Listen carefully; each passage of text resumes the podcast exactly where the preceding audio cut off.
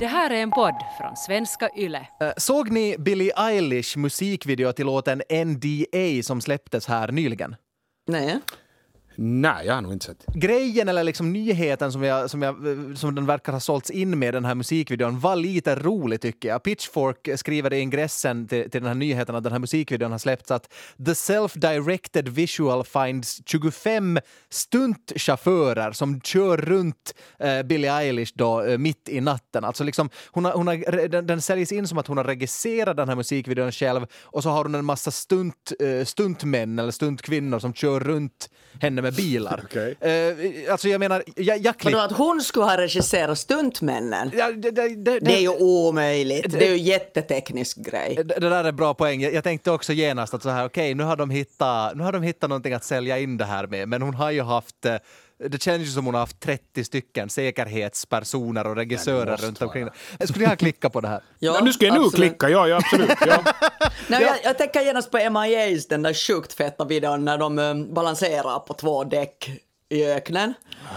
ja, ja, ja. Kommer ni ihåg Vagt, Good, ja. g- Bad Girls? The, ja.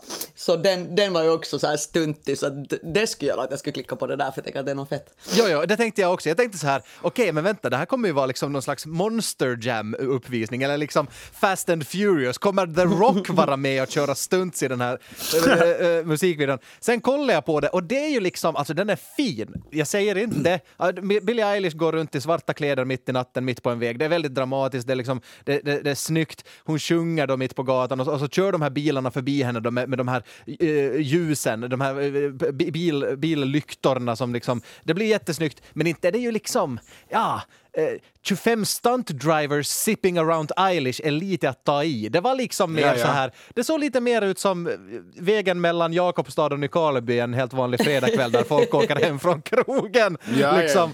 Jag vet inte. Eh, ja, jag Går hon liksom mitt på vägen, är det liksom det som är grejen? Och så, och så måste de liksom lite väja för De, de liksom väjer, men, men med Ja. tanke på att de är stuntchaufförer så de Ja, väjer ja. inte jättemycket. Alltså de skulle ju kunna, alltså de skulle kunna väja liksom Ja, jätte så här stuntigt, men de väjer mm, helt som Lite. vanligt, lite lite. Ja, ja. liksom. Ja, ja, ja. Antiklimax i alla fall för Billie Eilish där. Men, men jag, jag kan, det, det är en nyhet nu i sig, för alltså den här låten som NDA då, den här låten, den kommer att vara med på hennes st- eh, nästa studioalbum som heter Happier than ever som släpps, eh, ja nu snart, eh, 30 juli släpps den. Så, så det är lite kul.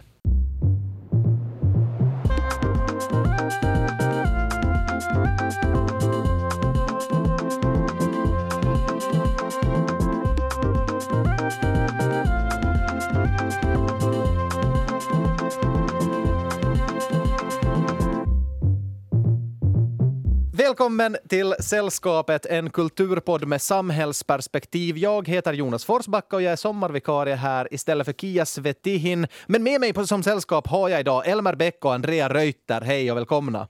Tack, Hej, hej. hej. Eh, Vad ska ni prata om idag, Elmer? Nu, jag skulle vilja tala om teorin om att det endast existerar sju berättelser i världen, utgående från Christopher Bookers bok The Seven Basic Plots Why We Tell Stories. Jag tänkte prata om minne och minne är ju ett väldigt brett ämne så jag ska koncentrera mig på selektivt minne och implantering av falska minnen. Snyggt. Vi kommer, ha en, vi kommer ha en bukett av olika grejer här, för jag kommer att prata om eh, ifall det är så att andra människor konsumerar popkultur på samma sätt som jag gör nu för tiden, så kan vi ha ett problem med liksom självupptagna kulturkonsumenter som bara vill klicka på sånt som får dem eh, själva att känna sig intressanta och uppfyllda av sig själva. Jag skulle vilja tala alltså om den här teorin om att det endast existerar sju berättelser i världen. Jag, jag skulle vilja börja med att fråga, att har, ni, har ni hört om en sån teori? Är Nej. det något som klingar bekant? Alltså, jag, tycker att jag har hört en teori om att det är tolv. Eller är det det att Ah, det finns tolv okej. arketyper? Just Ah, det! ja, ja, ja, ja. Eller sen att Men det jag- finns bara en som är The Hero's Ja. Journey. Det- det- det- No, men jag kommer till, där är du faktiskt något på spåret, absolut. Ja, Nej, för jag har haft det i bakhuvudet liksom i många år och jag har emellanåt alltid sagt sådär, nå, du vet ju vad de säger att, att det finns bara sju olika berättelser och så har jag liksom aldrig kollat vem de här de är. Jag har bara sagt det här alltid och det har varit liksom någon slags sanning och jag har aldrig kollat upp det. Så jag tänkte så här, okej, men nu ska jag kolla upp det. Så, att- så att jag har nu kollat upp varifrån det kommer. Och det, det, det, det, det kommer då från en bok som heter The Seven Basic Plots Why We Tell Stories, som är alltså en brittisk journalist som heter Christopher Booker skrev den. Och han säger själv att han höll på att skriva på den här boken i 34 år. Okej. Säger han själv. Liksom. Och då, då han liksom, han har då kommit fram till, och det här är baserat på liksom jungiansk analys, analys, att han har kommit fram till att det bara existerar sju berättelser, att det finns inte något mer, det är omöjligt att, att, att egentligen berätta några andra berättelser än de här sju. Och det här gäller då film och böcker och allt. Det gäller liksom berättelser överhuvudtaget i hela världen. Det är hans teori. Jag tänkte nu gå igenom vad det här är och så kan vi se om vi, om vi, om vi är överens om att, att det här är de enda berättelserna som finns. Ja, det är jättebra. Nåja. Men det första är alltså den här metaberättelsen och där har Andrea helt rätt. Hjältens resa. Och han menar att det här är de metaberättelser som går igenom som en röd tråd egentligen genom alla berättelser vi har. Och det var det som André var inne på. Och, och den handlar, den, i stora drag så går det ut på så här att i början så blir då hjälten kallad till äventyret. Och första stadiet är att hjälten bestämmer sig för att åta sig det här äventyret och har ganska mycket framgång och tror sig vara oövervinnelig. Nå, sen kommer då motgången då hjälten första gången möter fienden, eller liksom den här antagonisten, då den här sin fiende och förstår sin egen dödlighet. Och sen så kommer vi till hela historiens klimax då motgångarna, motgångarna blir allt, allt, allt större och större och det känns som att allt hopp är ute. Men till slut så överkommer hjälten då hindret mot alla odds. Det här är då liksom metaberättelsen. Det är vad han då anser att liksom ligger som grund för egentligen allt vårt berättande. Nå, men nu kommer vi igång. Det här är då nummer ett. Den första historien är Besegrandet av monstret. Och det handlar då att protagonisten ger sig ut för att besegra en antagonist som hotar protagonistens familj och eller hemland. Och liksom här är nu till exempel Jaws är en ganska liksom, Jaws är ju just det här, hajen då. Hajen. Och, och Star Wars är en annan. Och Star Wars följer ju också den här hjältens eh, historia liksom jätte, jätte följdriktigt annars också. Eh, nummer två är då från fattig till rik. Så det är då att den fattige får rikedom, makt och så förlorar den allt det här igen och så återfår det den igen på slutet yes. och har vuxit som person under Ja, resan. ja. Det är ju en klassiker. Här nämns då Aladdin och Askungen. Och det här känner man väl till, tänker jag. Det, det känns verkligen jättebekant. Ja. Ja, man säger ju rags to riches på engelska. Exakt! Ja, begrepp. nu har jag översatt. Det här är just rags to riches, är liksom Ja. vad det var från början. Ja. Nå, så har vi tredje som är då äventyret. Och det är att protagonisten och dennes följeslagare ger sig ut för att finna en viktig artefakt eller föremål. Sagan om ringen! Ja, eller för att ta sig till en viss plats. Och så möter de lockelser och faror på vägen. Absolut, alltså just Sagan om ringen, uh. Indiana Jones, är ganska exakt. Det är väl liksom massor som är det. Okej, nummer fyra är Resa och återvändo som är då att protagonisten tar sig till ett fjärran land, överkommer många faror och lär sig något mycket viktigt som hen då kan återvända med hem.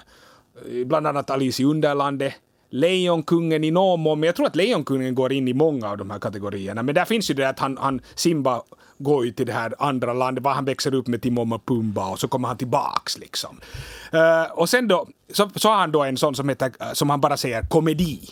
Och det är då att det är en lätt och rolig karaktär och allt slutar väl till slut. Allt slutar liksom bra.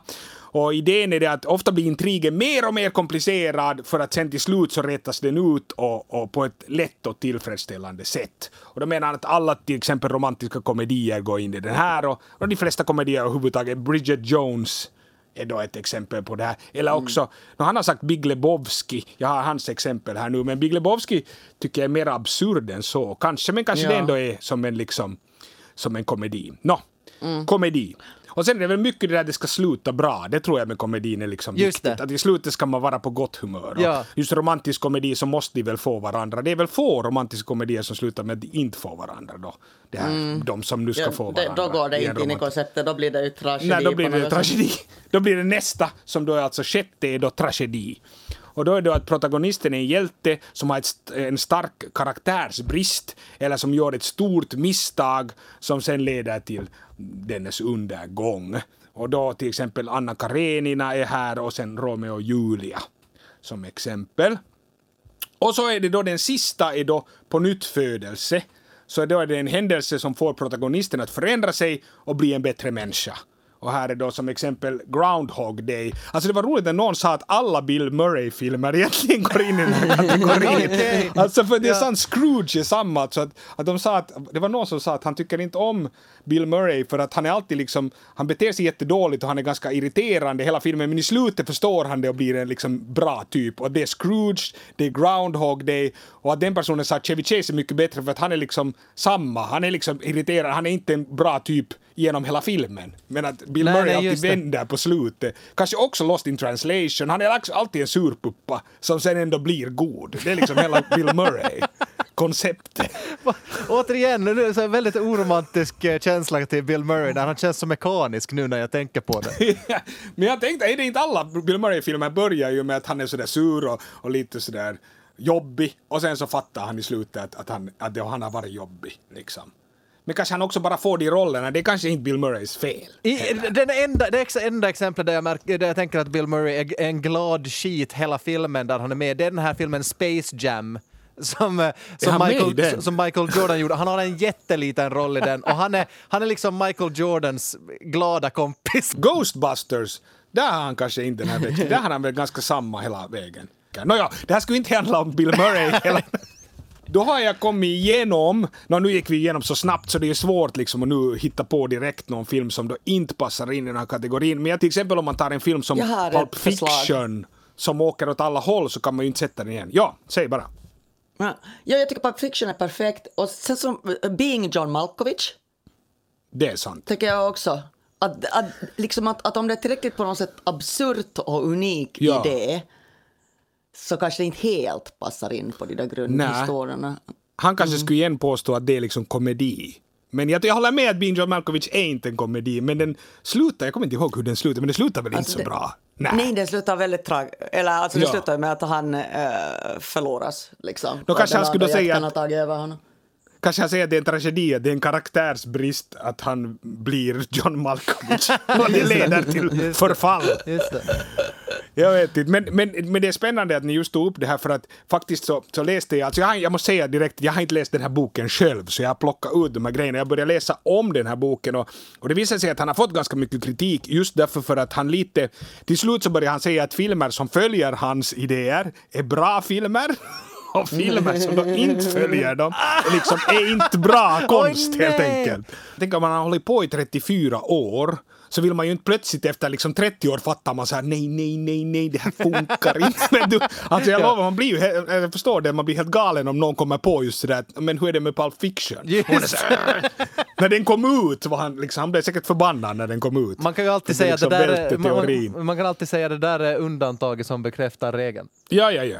Och sen, måste jag, sen hittar jag annan intressant information om honom som kanske inte är till hans fördel och det är det att han, är, han visar sig vara en ganska stark klimatförändringsförnekare. Okej, Han okej. dog då 2004 och sen var han också lite sådär, han tyckte inte, han tyckte att farorna är upptrissade också när det gäller passiv rökning, asbest och galna ko-sjukan. Han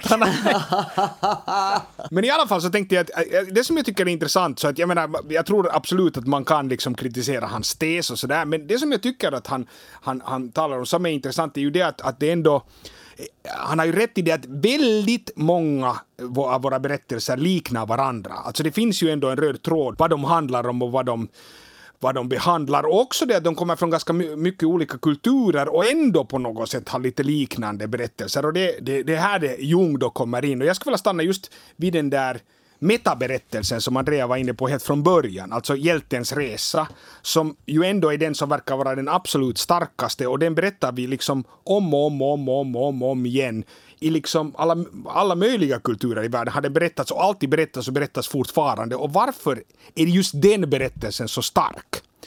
Och, och då tänkte jag just komma in då på, på Jung, och då menar jag då Carl Gustav Jung som var schweizisk, schweizisk psykiater och han levde från, från slutet av 1800-talet till, till, till mitten av 1900-talet. Han jobbade länge med och under Sigmund Freud och sen så gick de skilda vägar på grund av motsättningar i idéer och så blev han senare fader till, till analytisk psykologi. Så att Jung menar alltså att den här hjältens resa symboliserar individuationsprocessen. Och det är alltså då processen för att bli den du egentligen är, att bli hel. Och den kräver då den här processen att du går djupt ner i ditt eget omedvetna och där möter du dina, dina inre monster och så låter du ditt gamla jag dö och så åter, återuppstår du som, som det nya, det, det hela du. Och han menar alltså att den här hjältens resa är alltså en inre resa. Och att därför är den så stark hos oss, för att vi alla människor, alla människor i hela världen egentligen ska gå igenom den här individuationsprocessen. Det är liksom en del av meningen med livet och därför tilltalar den oss så starkt. Men att vi missuppfattar den därför vi tror alltså att det är en yttre resa. Men att egentligen det när du känner den där starka grejen så det, det berör dig därför att det är någonting som är viktigt för dig, men det handlar om en inre resa, inte en yttre. Och det som han då menar, som jag tycker är intressant med, med Jung, så han menar då just det att, att, att varför den berör alla människor överallt, så han menar då att det finns en sån sak som ett, som ett kollektivt omedvetna, eller det kollektiva omedvetna. Det här skiljer han sig just som fr från Freud till exempel. Och han menar då att vi, vi, vi alla delar ett kollektivt omedvetet och det är därifrån det här, de här symbolerna och myterna uppstår. Han menar till exempel det att han hade haft som patient då ett, ett barn som hade haft hiskeliga drömmar och då var hon liksom sex år gammal och, så fanns det symboler som alltså har funnits i urminnes tider och starka i olika kulturer som hon, alltså hon kunde inte veta om dem men de fanns i hennes drömmar. Och, och, till exempel sånt fick honom att tänka, och just det, det uppstår liknande symboler på massa olika delar av, av jorden, som, som inte, alltså kulturer som inte haft något med varandra att göra, med de här samma symbolerna uppstår. Det menar han då att det finns alltså ett kollektivt omedvetet som vi alla har tillgång till. Och det är där liksom myterna uppstår, och det är därför de här, den, just den historien till exempel tilltalar oss alla. Därför att vi har det gemensamt. Och det intressanta är ju det, som jag tänkte bara för att koppla det till dagens värld, är just det att att det som ju nu bjuds, och bjuds på, det här vi talat många gånger, är ju mest Marvel då. Och Marvel... det, det, alltså de facto liksom, superhjältefilmerna. Ja. Och Ma, det är ju liksom på något sätt, den berättar ju den här hjältens saga på ett hemskt banalt sätt om och om, om, om, om, om, om igen. Alltså den finns ju inte, de berättar ju inte om andra historier utan det är just den. På nytt och på nytt och på nytt och på nytt och på nytt och på nytt.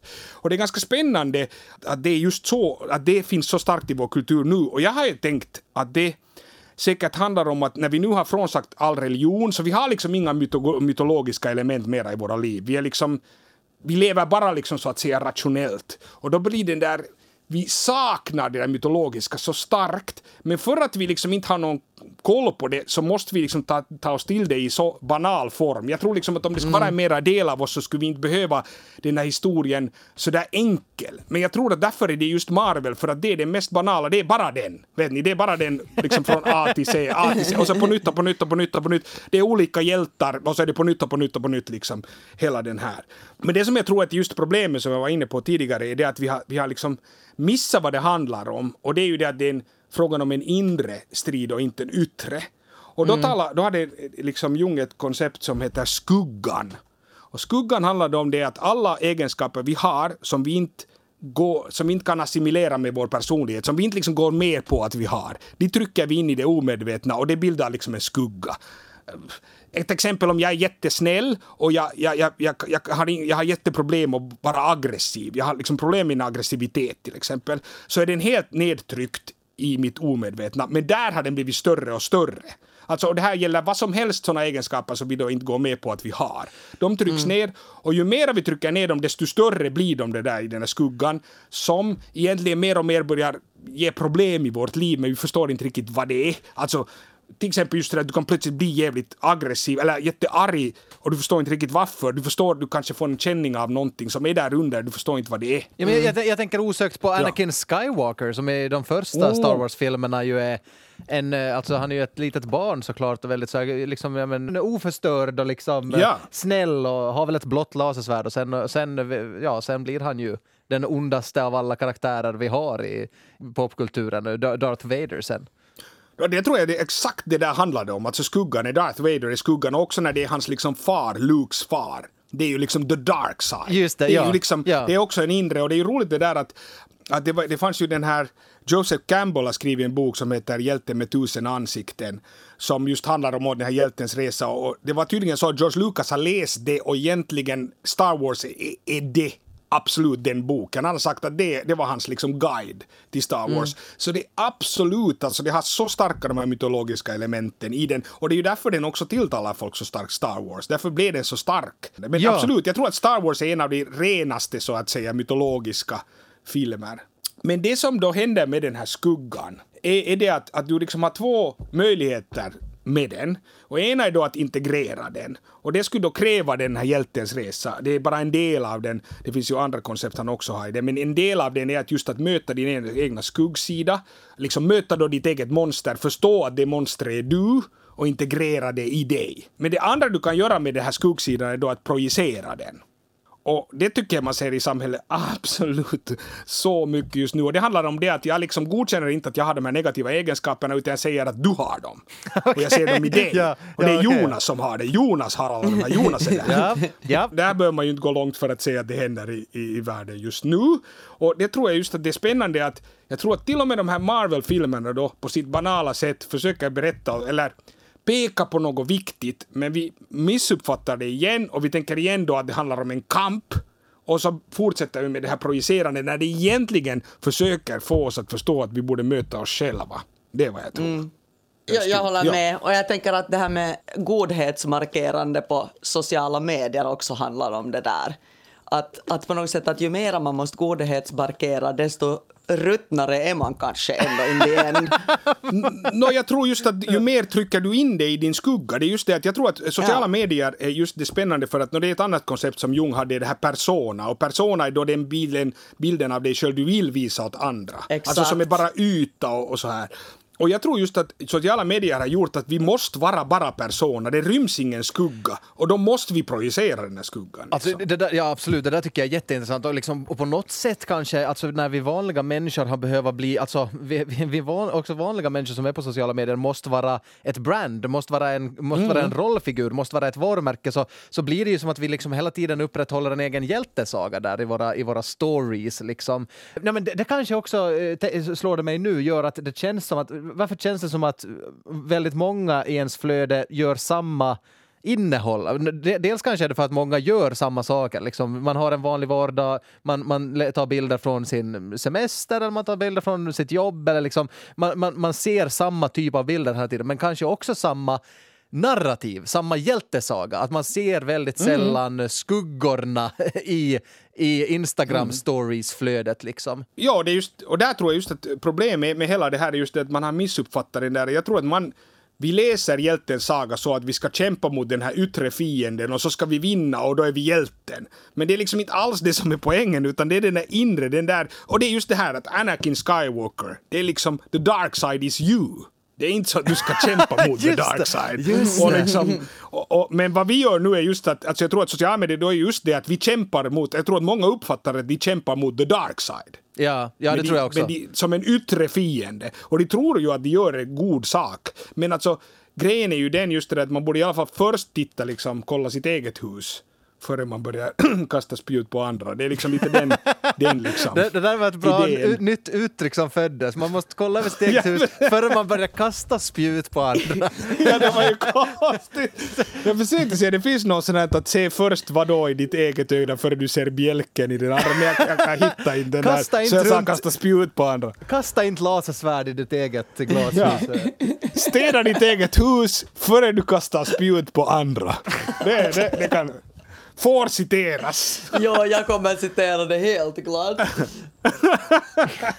Men jag hade en sak som jag ändå tänkte på snabbt bara komma in på som är spännande att, att Jung menar ju att den här individuationsprocessen borde börja i andra delen av livet. Att första delen av livet så går ut då på att, att man ska just bli ekonomiskt oberoende, man ska starta familj och man ska ha framgång i karriären och så är idén då att andra delen av livet så borde vara den här inre resan för att då egentligen bli vis och så. Och det intressanta är att vår kultur bara godkänner den där första delen av den här resan. Vi, vi håller ju på med den tills vi dör. Och det är också en orsak varför vi inte respekterar äldre. Alltså det finns ju kulturer var man har respekt för de äldre för att de är visa. Men det har vi ju inte i vår kultur. Alltså vi har bara respekt för framgång, ungdom. Och det är just att vi har liksom tappat hela den här andra delen av livet som är liksom jätteviktig, som borde börja någonstans jag vet inte, säkert någonstans var jag nu börjar komma till. Jag tror, alltså Jung sa ju att livet börjar efter 40.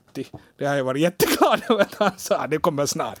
Men Han här- ansåg i alla fall så. Jag, jag kan rekommendera, jag kan rekommendera. Ja. Men det är ju intressant, Elmer, att nu fick du en insikt att liksom det är nu du ska börja liksom tänka om. Blev inte liksom på ett metaplan som att du gick i, alltså i den här pratan nu, gick du igenom åter upp, vad, vad hette det där ena teorin? På nyttfödelse. ja, Alltså, På. Ja, jag tror att den processen är så hiskeligt lång så jag kan nog inte säga att jag gjorde det här. Jag tror att, att då, om man verkligen vill göra det så är det väl Oj, en om det många skulle vara års så process. enkelt! ja, jag ska göra det här. Jag var så här- En poddprat och man kommer ut som en ny person. i, bör, i, början av, i början av poddpratan var du en lite bister Bill Murray-figur och sen Ja, ja, ja, nu, poletten Ja. trillar ner Ja, och du är en helt ny människa. Yes, Elmar! Han gjorde, jag, jag gjorde liksom analytisk psykologi, hela den individuationsprocessen på liksom 20 minuter. 20 minuter. där, där är det. där är det. Booker behövde 34 år att komma fram till det här, du behövde 20 Ja, ja. minuter. Ja, färdigt. Nu är det färdigt. Men jag ska alltså tala om begreppet minne och det är ju ett så enormt begrepp och hela vår personlighet bygger ju på de minnen vi har, vem vi är, vad vi har gjort, hur vi är relaterade till vår egen historia och till andra. Men um, jag tycker att det är ganska spännande. Vi, under midsommar så satt jag med, med människor som jag har känt väldigt länge och så pratade vi ganska mycket gamla minnen. Och jag insåg än en gång att jag, jag tänker väldigt lite på gamla minnen, att jag lever så här i nuet och planerar framåt. Men att under pandemin har det varit annorlunda. Det är som någon slags gröthjärna. När det inte händer någonting så skapas det ju inga, inga minnen och man har liksom ingen aning om när något hände. Att var det för två månader sedan eller var det för så här ett år sedan? För allting är på något sätt bara sådär en enda gröt. Eh, och sen när det inte heller har funnits en möjlighet att planera framåt resor och sådär, när man inte har vetat hur det kommer att gå, så har jag på något sätt eh, tvingats att ändrat lite min attityd och, och, och levt lite sådär på gamla minnen. Att jag har tänkt på så här resor som jag har gjort och, och så vidare. Men nu tänkte jag inte egentligen tala om den aspekten, det man så generellt om minne, eh, utan vi pratar om, om selektivt minne och falska minnen. Och man brukar ju, om selektivt minne brukar man ju säga så här lite skäms, skämtsamt att jo, att han har ett selektivt minne för att man liksom glömmer att göra sånt som man inte tycker är Just det, roligt. Eller just något det. sånt här, alltså liksom vad man i folkmun säger selektivt minne. Men det finns de facto någonting som är selektivt minne. Jag läste en vetenskaplig artikel om det här, eller populärvetenskaplig förstås.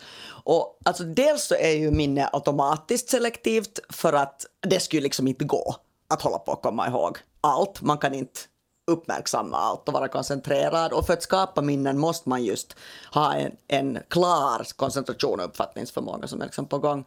Och det som är lite spännande, det finns liksom olika situationer, till exempel om vi upplever kognitiv dissonans, alltså att det är två övertygelser eller åsikter som är, är helt olika och man ska måste försöka ta in dem båda.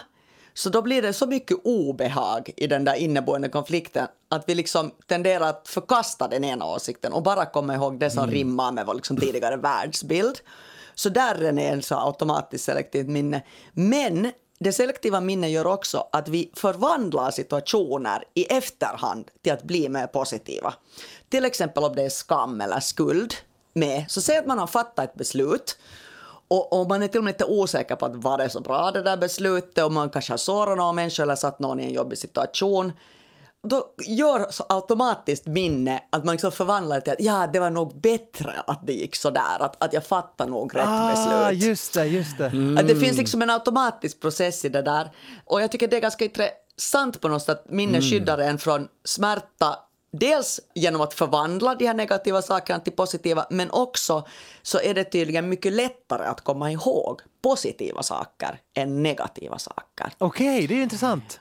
Det är jätteintressant och, och att det är faktiskt eh, hjärnans funktion. För att jag har eh, ofta tänkt sådär att någon påminner en om något och man säger oj det där har jag ju helt glömt. Att jag på något sätt så har ett ganska så bra selektivt minne att jag kommer bara ihåg de roliga sakerna som har Ja, hänt. ja. Men det som jag eh, tycker är intressant liksom, när man går, går vidare i det här, för det står också att, att, att man kan med selektivt minne också förtränga minnen till så hög grad att man helt enkelt glömmer bort dem. Just det. Och, och då är det så här, hmm, att är det verkligen liksom så här? Därför för att jag är ganska intresserad av en eh, kvinna som heter Elisabeth Loftus. Och jag, jag kommer snart till henne. Men hon har alltså varit eh, flera eh, decennier minnesforskare och just eh, ifrågasatt väldigt starkt det här att man genom terapi ska kunna plötsligt komma ihåg traumatiska saker som hände i barndomen. Till exempel några sexuella övergrepp som hände 30 år sedan och så vidare. Men jag vill bara säga ännu en sak om det här med selektivt eh, minne. Att det finns alltså en ovanlig sjukdom som heter hypertymesi. Och det är att man kommer ihåg allting som har hänt en. Och nu när du berättar, Oh, nu, nu när du pratar om det här så jag, man reagerar, jag, jag tänker genast att det där låter som en mardröm, alltså, jättejobbigt. Ja. Ja, ja. Alltså det finns människor som kan liksom säga vad de har gjort varje dag sedan de var fem år gamla. Oj, wow. Ah, Ehm, okej. Bland annat en som heter, heter Brad Williams som det har gjorts en dokumentär, Unforgettable, om. Och det som jag, när jag läste på om det här, som är så sjukt intressant, alltså det är bara trivia, en detalj, men att alla män som har det här syndromet är vänsterhänta.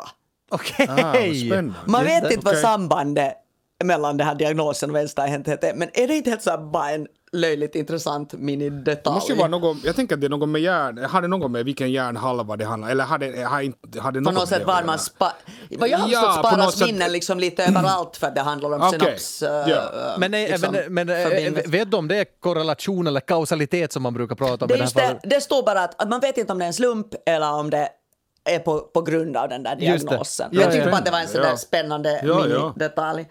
Och sen, det andra ändan är förstås demens. Och det är liksom ett helt eh, begrepp i sig. Jag vill bara ta chansen här att rekommendera The Father, om ni inte har sett den. Jag har som inte Anthony sett den. Hopkins Nej, men man måste ju se den. den. Ja. Ja. Alltså den är så jävla bra och där har den regissören löst det genom att, alltså allting ses då liksom ur den här dementa mannens ögon. Så han har olika skådespelare som spelar hans dotter. Ah, Vilket gör Ja, här ja, ja. jätteförvirrad. starkt! Det är ett jättesmart sätt tycker jag att, att liksom sätta er i den här huvudpersonens skor. Just Nåja. Nu ska jag gå tillbaka till den här Elisabeth Loftus. Har ni hört talas om henne eller? Nej. Nej. Jag har inte. Och Alltså hon har ju varit med i, i massa liksom olika podcasts, hon har skrivit böcker och hållit TED-talks och är den kändaste forskaren just inom det här falska minnen-området. Eh, Och hon har också varit jättemånga gånger i rätten och, och vittna kring olika grejer för att förklara hur minne eh, fungerar. Och det är ganska spännande det här med att hela rättssystemet bygger ju på vittnesmål och minnen, men minnen är egentligen jätteopålitliga. Så det är ganska shaky egentligen hur vårt rättssystem ser ut. Och bland annat så har hon eh, gjort ett, ett väldigt känt experiment som kallas Lost in the Mall Experience.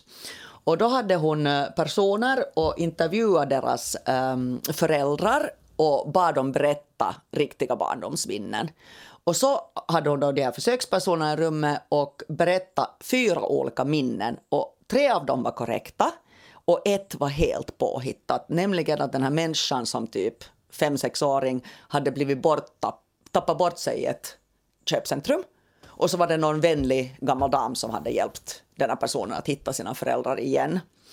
Och så bad hon liksom att de skulle berätta om de här olika minnena. Och alltså en fjärdedel av alla personer börjar berätta olika detaljer kring hur det var när de tappade bort sig i det här köpcentret. Fast det var ett helt påhittat minne. Så att det går liksom med språk och insinuationer och så vidare, går det att få folk att tro att någonting helt påhittat är deras minne. Och de undersökte dem under liksom så här, eh, först en dag, sen en vecka senare och så vidare. Och så frågar de dem sen att vilka av de, de berättar att ett av de här minnena är påhittat och implanterat och alla var helt såhär va? Okej, vilket är det? Och då kunde inte alls alla peka på rätt minne. Vilket det var som det falska minne.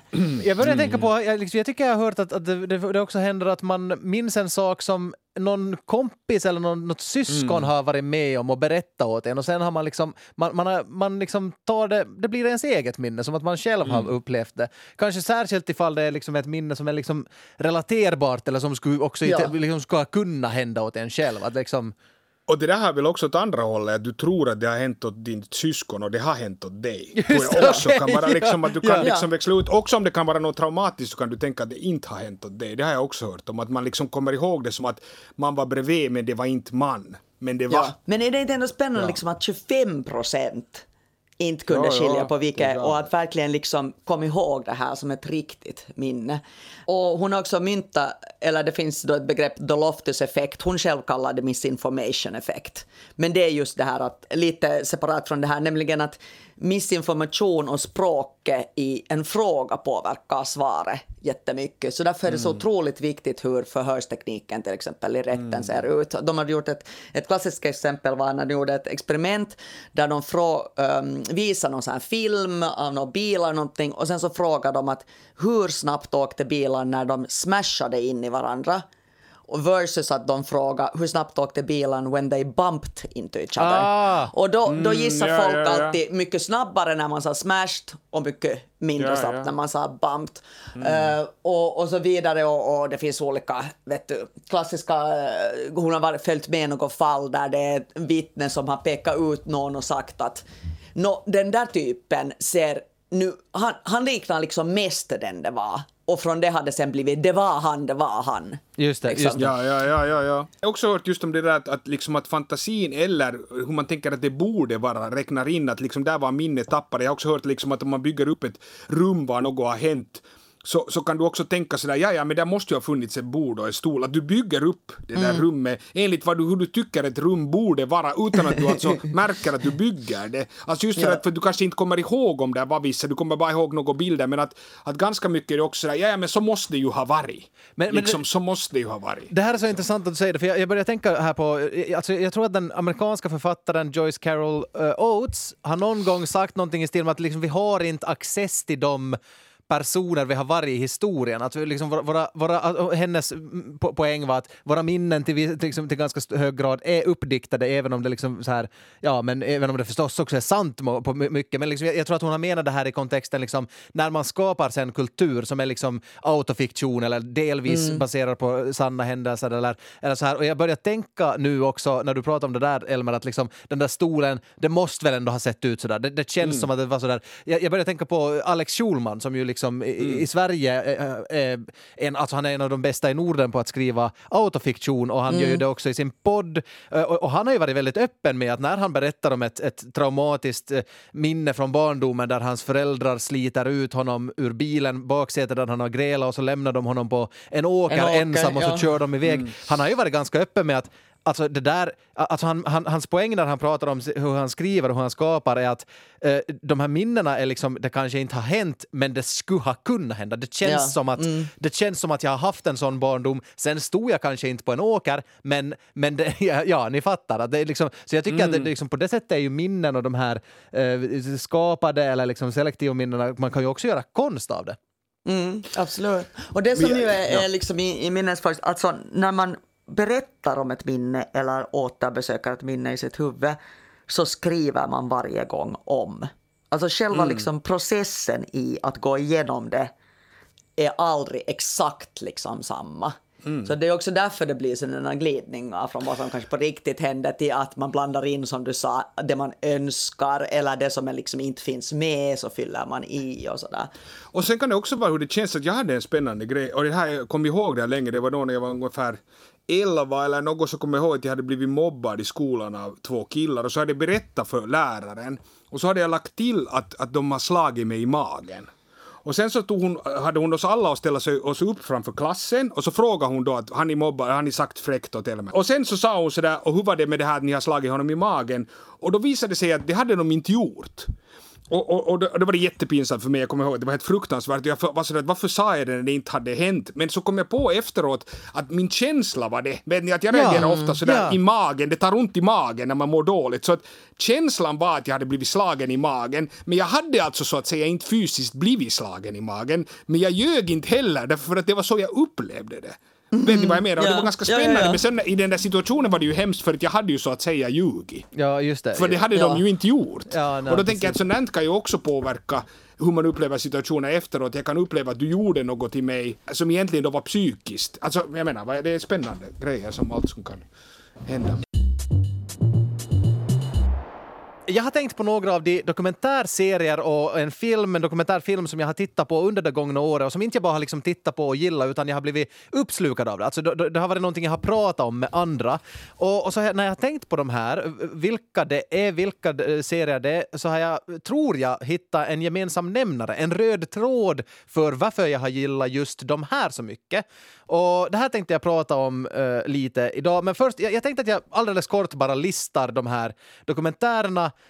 Eh, jag har sett och, eh, och helt kort bara, det är mina översättningar från filmdatabasen IMDBs beskrivningar av dem. Så, så vi vet lite ungefär vad det är för dokumentärserier. Den första är Tiger King, en rivalitet mellan ett par stora kattexcentriker tar en mörk vändning när Joe Exotic, en kontroversiell djurparkschef, grips i en mordutredning. Och den har ju väldigt många sett. The Last Dance är den andra, en kartläggning av hur Chicago Bulls under ledning av Michael Jordan på 1990-talet blev en av världens bästa spo- eh, största största sportdynastier i historien. Eh, eh dokumentärfilmen My Octopus Teacher, eh, eh, det är en film då, den vann Oscar för bästa dokumentär i år. Det är en filmskapare som skapar en ovanlig vänskap med en bläckfisk som lever i sydafrikanska brunalgskogen. Eh, och eh, sen två sista, serien Cheer Uh, I den lilla staden Corsicana i Texas kräver den hårt krävande cheerleading-coachen Monica Aldama perfektion av sitt team och, och av tävlingsinriktade college-atleter. Och den sista som, som jag har varit nu senast uh, uppslukad av, alltså jag har sett tre hela säsonger på mycket, mycket kort tid, det är Formula One, Drive to Survive, uh, en serie som börjar sändas 2019 och det kommer, säsong fyra kommer nästa år. Helt enkelt en dokumentärserie som följer Formula 1-världsmästerskapet genom flera olika säsonger.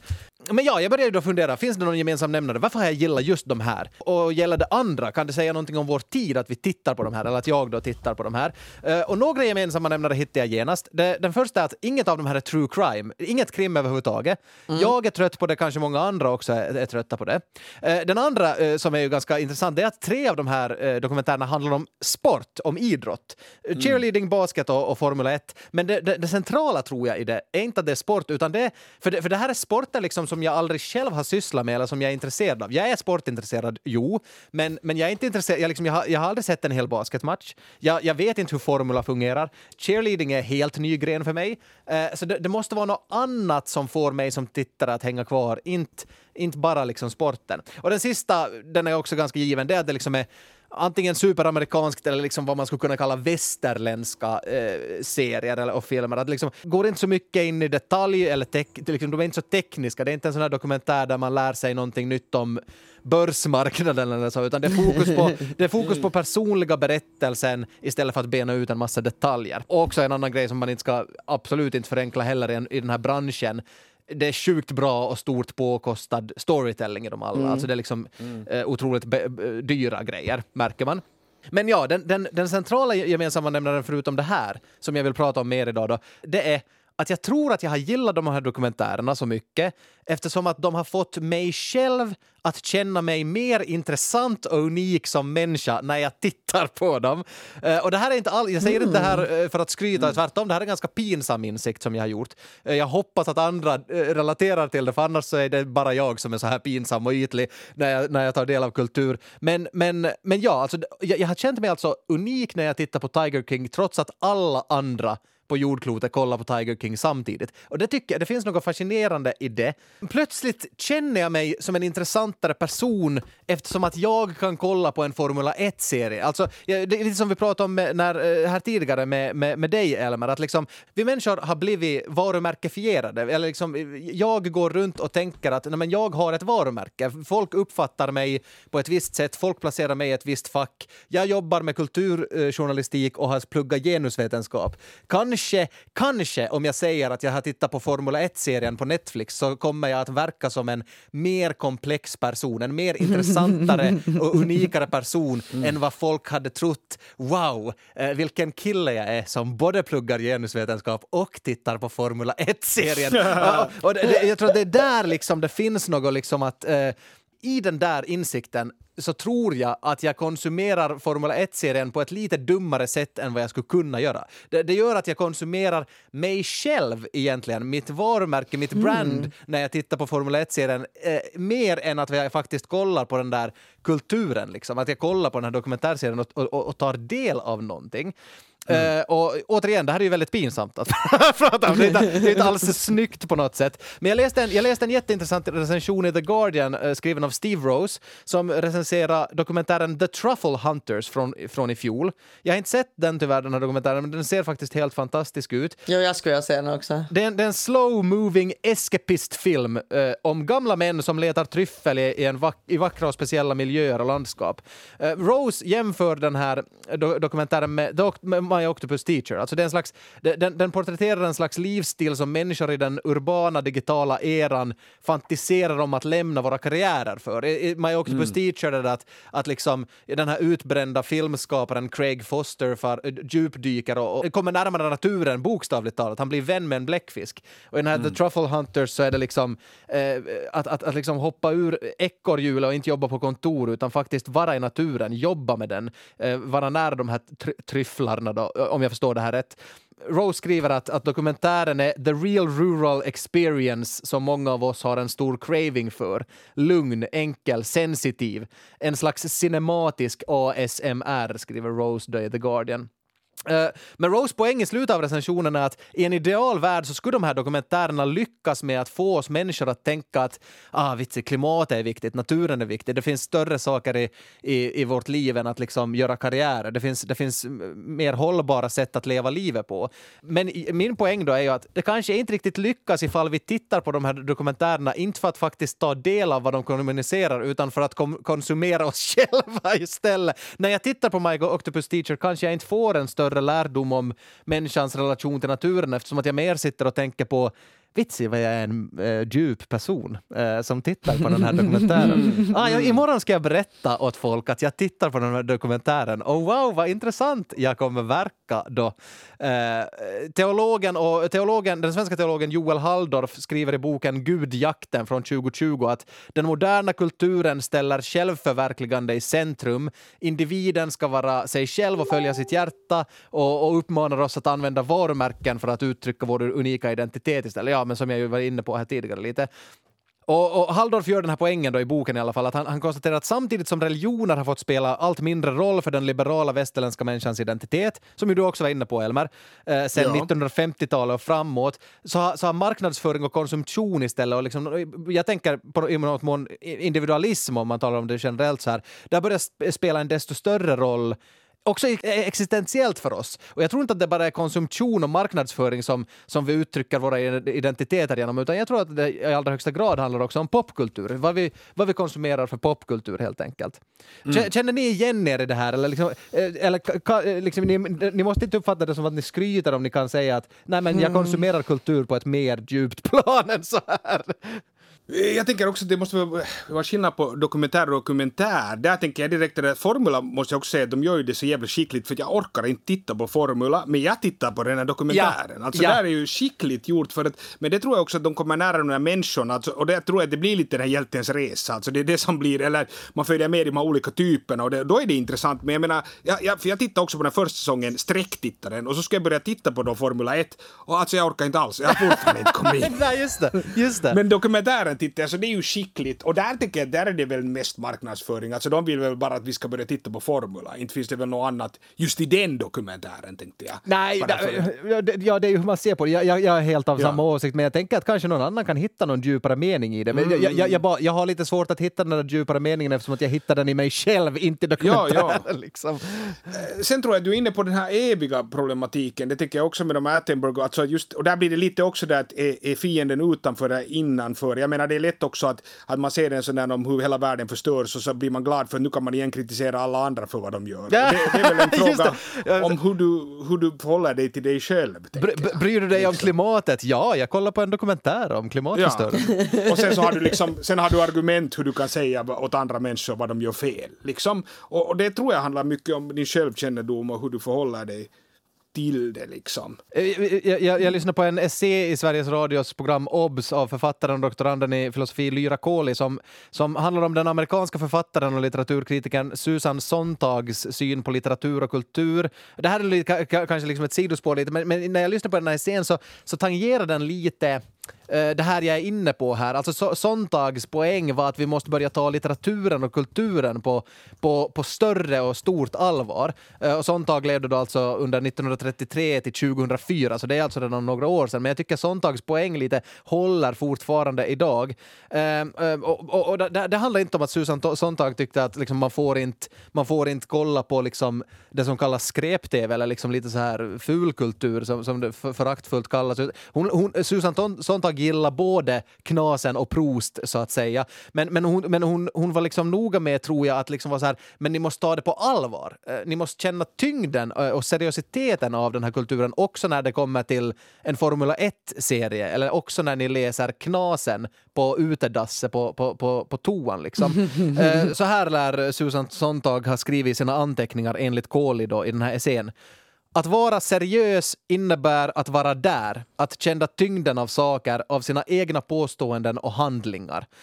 Och eh, när jag hörde det där så tänkte jag att det är kanske det där jag är ute efter att jag ska liksom börja uppnå när jag konsumerar kultur. Att, att, att faktiskt vara där. Att, eh, jag tänker liksom bokstavligt talat. För ofta när jag ser på en dokumentär, säg Tiger King eller någonting, så sitter jag ju och scrollar samtidigt. Det- Alltså, det, det, är klart, det, är väl liksom... Jag, jag vill inte låta som en boomer som är så här bara att ja, ja, men du är inte här i rummet nu när du har telefonen i handen, för det är man ju. Men, men är man verkligen där? Känner man tyngden av saker när man också scrollar med ena handen? Jag vet inte, säkert är det många som kanske gör det, men jag tror att jag inte riktigt gör det kanske. Så jag kände tyvärr bara igen mig. Jag, jag tycker att det låter underbart att ta del av kultur och bara faktiskt känna tyngden av någonting. Det, det, det, det, liksom, det känns som målet när man tar del av tänk- någonting. Jag, alltså jag tänker att det finns ju så otroligt mycket olika funktioner med kultur. Alltså på någon slags fin kulturnivå så är det väl att man får en ny insikt om, om hur det är att vara människa. Men det finns ju också sånt som är bara förströelser eller att ta sig igenom en pandemi när man har för mycket tid eller Ja, vad som helst. Liksom att, och det finns guilty pleasures och så vidare. Så vidare att, att jag brukar inte koppla så mycket att det jag tar del av är en så stor del av liksom vem jag är och min image alltid. För då ska jag vara liksom en helt ganska usel person. för att jag konsumerar så mycket grejer. Sådär. Men alltså jag, jag att jag känner igen din sak, att man kan känna sig så här, ja, jag är nog, jag har en så bred repertoar av saker att jag lyssnar minsann på Freakonomics men jag läser också veckans nu. Liksom. Ja, ja, ja, just det. Just det. Att, att visst, jag, jag fattar den där grejen, men jag tänker att då skulle det ju också handla om att du menar att det är liksom att du bara känner dig för dig själv unik eller att du känner dig när du relaterar till andra och berättar? För då krävs det ju att du berättar om att du har sett det. Jo, jo. Eller är det bara att du, du är liksom för dig själv är så här yes vitsen jag är bra, Nej, för jag har så bred kultursmak. Jag tror att det liksom är både och. Att liksom när jag tittar på, när jag konsumerar de här serierna, så då känner jag det där. Och sen så dagen efter får jag på, på kaffe med en kompis och så berättar jag, vet du vad, jag kollar på en så himla udda och speciell dokumentärserie. Den handlar om tiger och liksom wow. Och, liksom så här. och då säger ju alla jag pratar med, jo, jo, jag har sett den där.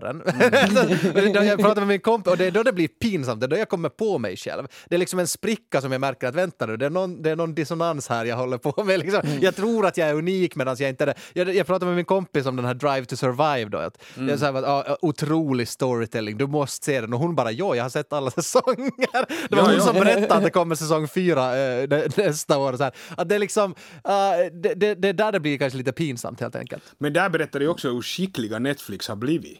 Alltså just att de lyckas ge något som du tycker är lite annorlunda och lite liksom quirky och sen så tittar hela världen på det. Ja! Alltså där är ju Tiger King, just det där, för jag upplevde också att det här är lite annorlunda och så här, men sanningen är att det är det mest mainstream som finns. Alltså Tiger King är väl det mest sedda och det där, så att jag menar det är ju också att visa hur Netflix är skickliga. Ja, alltså hur de, hur de har lyckats liksom, för jag tror att det där är nog helt medvetet från deras sida, att de vet att deras konsumenter vill ha den här känslan att jag är inte är en i mängden utan jag är en individ men, och jag vill se på något speciellt och sen liksom caterar de till det jäkligt skickligt alltså.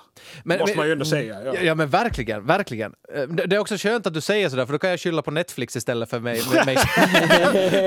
Eh, nej, Någon slags, om, om, om det är så att jag har rätt, om det, är så, om, om det är så att jag, men också kanske andra, konsumerar kultur på det här sättet, så eh, alltså, eh, då kan man ju säga att okej, det är lite mörkt sätt att ta del av kultur på. Det är inte så farligt. Man, man måste få ha perioder när man bara... Vem skadar det där? Exakt. Men, Ingen. men en slutsats som kanske eventuellt eh, riskerar vara lite så här att okej, hmm, det, här, det här kan vara tänkvärt för mig. Eller liksom, eh, orsaken varför jag tänker så här, att det här kan vara värt att prata om, det är att jag konstaterar att om det är sant det där, att, att jag konsumerar mig själv och min, min, min identitet när jag tar del av olika filmer eller se- serier eller så här, då, eh, det kan finnas ett problem i att, för, för jag konsumerar det på ett så, så himla slit och slängigt sätt. Alltså en vecka kollar jag tre säsonger Drive to Survive och, är, och, och upplever mig själv vara en person då. Nästa vecka kollar jag något annat. Och om jag, alltså, kan det finnas någonting eh, problematiskt eller någonting bara liksom lite ohälsosamt i att slita och slänga i sin per- personlighet på det sättet vecka ut och vecka in? När man istä- liksom, speciellt när, om det är så, jag, jag menar jag är liksom ständigt på jakt efter liksom vem jag är och så vidare.